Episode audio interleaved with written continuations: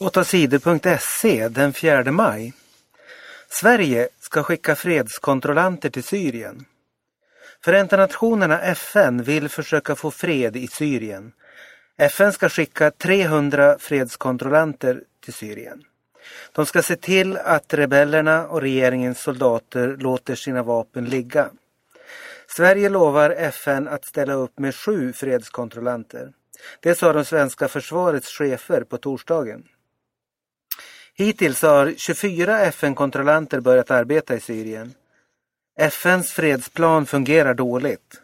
Striderna mellan rebeller och regeringssoldater har fortsatt.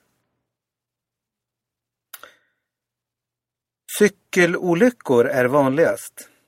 Det är farligare på cykelbanorna än på vägarna. Varje år skadas fler än 3000 cyklister allvarligt. Det är många fler än som skadas i bilolyckor på vägarna. Det visar en undersökning som försäkringsbolaget Folksam har gjort. Den vanligaste cykelolyckan är ingen krock. Sju av tio cykelolyckor går till så här. Cyklisten tappar balansen och kör omkull. Fuskargrupp får pengar av staten. Planka.nu är en grupp som tycker att folk ska strunta i att betala när de åker tunnelbana, buss eller spårvagn. Den här gruppen tycker att det är rätt att fuska och åka gratis. Blanka.nu säger alltså åt människor att bryta mot lagen. Men organisationen får trots det pengar i bidrag av staten. Statens kulturråd har gett 28 000 kronor till Planka nu. Pengarna har använts till en skrift som heter Trafikmaktordningen. Fuskåkandet kostar flera hundra miljoner kronor om året bara i Stockholm. Det är märkligt att staten ger pengar till dem som säger åt folk att bryta mot lagen, säger Björn Holmberg på Stockholms lokaltrafik. 16 döda i terrorattack i Pakistan. Minst 16 människor dödades av en bomb i landet Pakistan idag fredag. Det var en självmordsbombare som slog till på en marknad i staden Kar nära gränsen till Afghanistan. Målet med attacken var att döda poliser vid en polisstation. Poliserna tror att det var en terrorist från gruppen Al-Qaida som sprängde bomben. Chen vill åka till USA. Den kinesiska advokaten Chen Guangcheng har ändrat sig. Han säger nu att han vill lämna Kina. Chen vill åka till USA och ta med sig sin familj.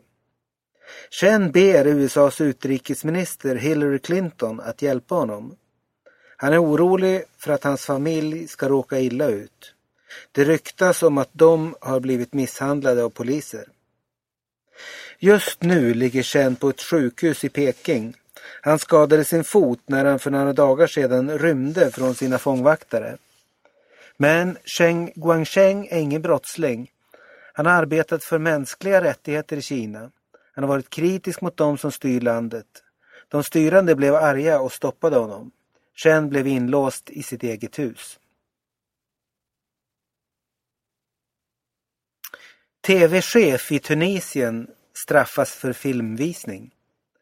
En domstol i Tunisien dömde på torsdagen chefen för tv-kanalen Nesma för att ha visat en fransk-iransk tecknad film.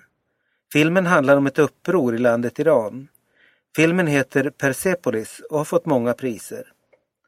Men domstolen säger att filmen är omoralisk och hotar ordningen i Tunisien. TV-chefen Nabib Karoui ska betala 10 000 kronor i böter för att han visat filmen. Islamisterna i Tunisien säger att filmen är ett hån mot religionen islam.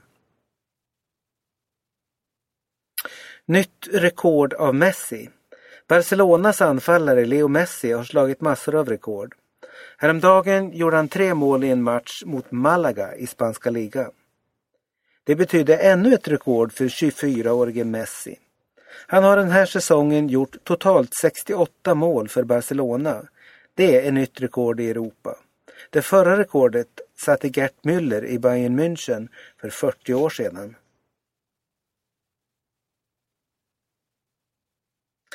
Kallur är på väg tillbaka. Världsstjärnan Susanna Kallur är snart tillbaka på löparbanan.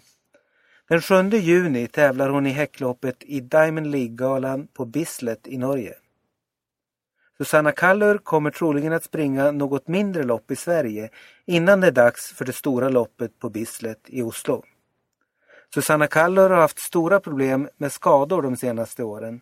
Hon har inte tävlat på flera år. Men innan skadorna kom var Susanna en av världens bästa på 100 meter häck.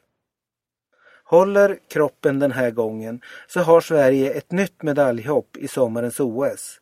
Så bra är Susanna Kallur.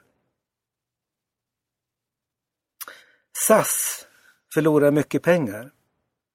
Det går riktigt dåligt för flygbolaget SAS. Företaget förlorade mer än tusen miljoner kronor under årets tre första månader. SAS förlust var dubbelt så stor som under samma tid för ett år sedan. SAS förlust var oväntat stor. SAS aktie rasade på börsen under torsdagen. Vi är inte nöjda med det här resultatet, sa SAS högste chef Rickard Gustafsson. Nu börjar hockeyfesten.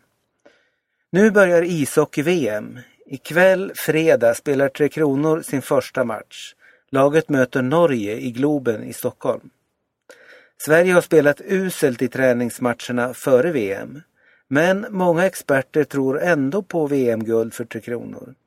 Sverige har ovanligt många spelare från den nordamerikanska proffsligan NHL med i laget den här gången. 14 NHL-proffs ska försöka spela hem guldet till Sverige. Daniel Alfredsson, Henrik Zetterberg, Erik Karlsson och Niklas Kronvall är några av de svenska världsstjärnorna i årets VM-lag. Idag fredag får vi se om de kan vinna mot Norge. Imorgon lördag är det tuffare motstånd. Då möter Tre Kronor Tjeckien.